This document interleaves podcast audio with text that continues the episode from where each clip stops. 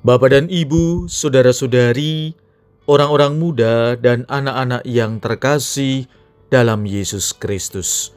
Selamat pagi, salam bahagia dan salam seroja untuk kita semua, berkah dalam. Bersama dengan saya Romo Antonius Garbito Pambuaji, menyampaikan salam dan berkat Allah yang Maha Kuasa dalam nama Bapa dan Putra dan Roh Kudus. Amin.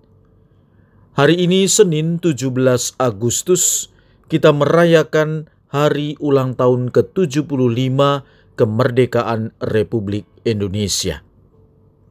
Bacaan pertama dalam liturgi hari ini diambil dari kitab Putra Sirak bab 10 ayat 1 sampai dengan 8. Bacaan kedua diambil dari surat pertama Rasul Petrus bab 2 ayat 13 sampai dengan 17 dan bacaan Injil diambil dari Injil Matius bab 22 ayat 15 sampai dengan 21.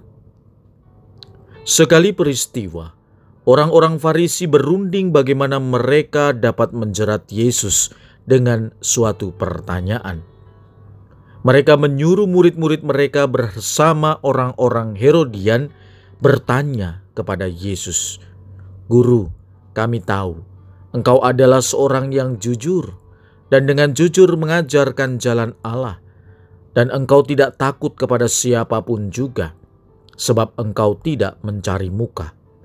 Katakanlah kepada kami pendapatmu, bolehkah membayar pajak kepada kaisar atau tidak?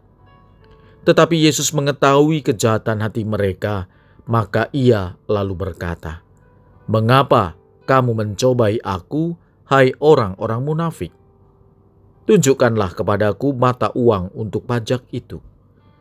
Mereka membawa suatu dinar kepada Yesus, maka Yesus bertanya kepada mereka, "Gambar dan tulisan siapakah ini?" Jawab mereka, "Gambar dan tulisan kaisar." Lalu kata Yesus kepada mereka, "Berikanlah kepada kaisar apa yang wajib kamu berikan kepada kaisar, dan kepada Allah apa yang wajib kamu berikan kepada Allah. Demikianlah sabda Tuhan, terpujilah Kristus. Saudara-saudari yang dikasih Tuhan, kita pantas bersyukur atas anugerah kemerdekaan yang diperoleh bangsa kita sebuah anugerah yang istimewa yang didapatkan karena kasih Tuhan dan juga pengorbanan yang begitu besar dari para pejuang anak-anak bangsa ini. Memang benar, tiada kasih tanpa pengorbanan. Dalam mensyukuri kemerdekaan ini, marilah kita merefleksikan makna kemerdekaan ini dari dua sisi. Dalam situasi pandemi COVID-19, dan dalam terang Injil yang baru saja kita dengarkan. Pertama, untuk tahun ini nuansa peringatan kemerdekaan terasa sangat berbeda dari sebelumnya. Kita merayakan dalam suasana pandemi COVID-19 yang belum tentu kita tahu kapan akan berakhirnya kondisi ini telah mendisrupsi dan membawa dampak yang luar biasa bagi aspek-aspek kehidupan segenap anak bangsa. Aspek ekonomi, aspek usaha, aspek pendidikan, dan juga relasi sosial kemasyarakatan pada hampir 215 negara di seluruh dunia terdampak dan termasuk negara kita, Indonesia. Wabah ini memang banyak menghabiskan fokus perhatian pemerintah dan kita semua pada penanganannya.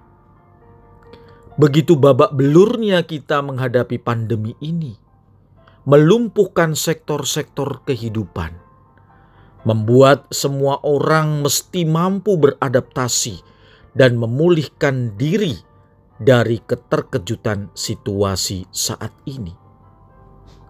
Pandemi telah mengubah kehidupan kita secara drastis dan bisa jadi mengorbankan banyak hal dari hidup kita, termasuk kemerdekaan diri. Perkantoran menerapkan kebijakan bekerja dari rumah. Aktivitas belajar mengajar di sekolah dihentikan untuk dialihkan dalam metode PJJ. Siswa menyimak pembelajaran dari layar gawai mereka. Aktivitas ibadah dijalani secara personal dan dilakukan di ruang-ruang privat, ataupun dengan pembatasan-pembatasan sesuai dengan protokol kesehatan. Rumah menjadi pusat kegiatan selama wabah belum teratasi. Ketidakpastian yang menghantui, contohnya adalah kita terus memikirkan nasib diri dan orang-orang di sekitar kita. Apakah diri ini akan aman dari serangan virus yang datangnya tanpa permisi? Apakah esok kita masih tetap dapat menjalankan kehidupan di dunia ini, atau harus beralih? Peringatan hari ulang tahun ke-75 kemerdekaan Republik Indonesia hendaknya dapat dijadikan sebagai ajang memetik pembelajaran dari spirit dan teladan para pendiri bangsa yang telah mewariskan spirit kebersamaan, gotong royong, gigih berjuang, ketangguhan dan daya adaptasi yang telah teruji dalam menggapai cita-cita kemerdekaan, serta upaya membangun kemandirian dalam menggapai kehidupan yang lebih baik di tengah keterbatasan dan rintangan yang dihadapi. Semua ini dapat menjadi modal bangsa kita dalam mengakselerasi kebangkitan untuk Indonesia. Spirit ini semakin relevan di tengah kondisi bangsa kita saat ini yang tengah menghadapi dampak pandemi COVID-19. Yang kedua yang mau kita renungkan, terinspirasi dari Injil hari ini. Dikisahkan bagaimana orang-orang Farisi datang kepada Yesus dan ingin menjerat Yesus dengan pertanyaan jebakan. Pertanyaan yang mereka ajukan, haruskah kami membayar pajak kepada kaisar atau tidak?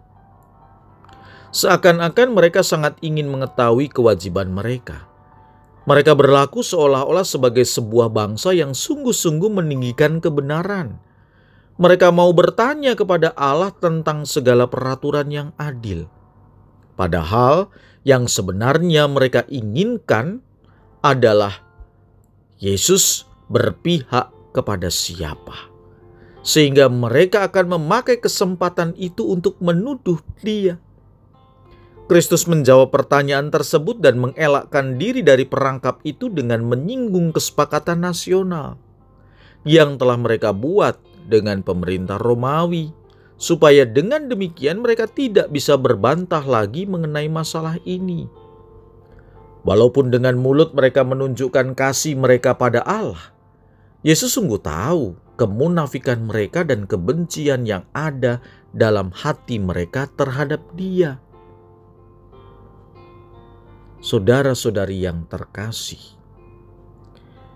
kemunif, kemunafikan itu sekalipun dilakukan dengan sangat licin, tetap saja tidak dapat disembunyikan. Ia dapat melihat retakan tembikar walaupun diselubungi dengan lapisan perak. Ia tahu mereka bermaksud untuk menjerat dia dan karena itu ia memperumit masalahnya untuk menjerat mereka dengan perkataan mereka sendiri. Untuk memaksa mereka melakukan apa yang tidak ingin mereka lakukan, yaitu membayar pajak secara jujur dan dengan tidak mengeluh. Dengan cara ini, Yesus melindungi diri dari maksud jahat mereka untuk menuduh Dia saudara-saudari yang terkasih. Bagaimana kita memaknai kemerdekaan ini dalam konteks Injil hari ini? Bangsa kita ke depan menghadapi persoalan yang besar agar tetap bersatu sebagai negara kesatuan Republik Indonesia dan agar tetap berkembang. Beberapa persoalan besar itu nyata dan jelas di hadapan kita. Persoalan korupsi, persoalan penerimaan perbedaan dalam kesatuan, persoalan kelompok ekstrim, dan perhatian kepada kelompok yang miskin. Korupsi yang begitu merajalela jelas menggerogoti kekayaan bangsa, sehingga dana yang sebenarnya dapat digunakan untuk mengentaskan banyak orang miskin itu tidak terjadi. Dana yang dapat digunakan untuk meningkatkan kesejahteraan dan juga sarana prasarana bagi kehidupan masyarakat tidak terpenuhi. Bila persoalan ini tidak dapat diselesaikan, maka bangsa ini tidak akan kuat. Persoalan yang berikutnya adalah persoalan multi budaya. Bila kita tidak dapat menerima perbedaan dan mengharuskan semua orang sama, maka akan muncul banyak konflik. Bangsa kita kenyataannya terdiri dari berbagai macam suku, agama, budaya, bahasa yang berbeda-beda. Maka, kalau kita tidak mau saling menerima perbedaan itu dan rela hidup bersama dalam perbedaan, bangsa ini akan sulit bersatu. Munculnya kelompok ekstrim yang ingin memaksakan kehendaknya sendiri juga menambah persoalan tentang kesatuan sebagai bangsa yang multi budaya. Kurangnya kepekaan kepada orang kecil akan menjadikan sebagian anak bangsa tidak dapat maju karena tidak diperhatikan dalam keputusan pemerintah. Akibatnya, jurang kaya miskin makin besar dan akhirnya bangsa ini akan lemah. Persoalannya menjadi lebih parah bila keadilan tidak dikembangkan. Keadilan sosial hanya terwujud bila orang kecil yang sulit mengusahakan kesejahteraannya sendiri mendapatkan perhatian dan bantuan dari kita. Saudara-saudari yang terkasih, masih banyak hal lain yang bisa kita refleksikan dari apa yang kita hadapi saat ini. Marilah kita senantiasa menjadikan momentum hari ulang tahun kemerdekaan ini menjadikan refleksi bagi kita. Sungguhkah kita menjadi orang Katolik yang 100% dan menjadi bangsa Indonesia yang 100%? Mari kita mengupayakan peduli dengan sesama kita karena kita adalah bangsa Indonesia. Mari kita juga peduli dengan sesama kita karena kita adalah murid-murid Kristus yang peduli dengan manusia. Marilah berdoa. Allah yang Maha Kasih, terima kasih atas cintamu untuk negeri kami, tercinta Indonesia. Semoga kemerdekaan yang telah diperjuangkan oleh anak bangsa para pahlawan negeri ini tidak kami sia-siakan. Semoga kami terus memperjuangkan nilai-nilai kesatuan dan persatuan serta keadilan di negeri ini di tengah keberbedaan yang ada sehingga menjadi warna yang indah untuk dinikmati oleh banyak orang. Berkat Allah yang Maha Kuasa dalam nama Bapa dan Putra dan Roh Kudus. Amin.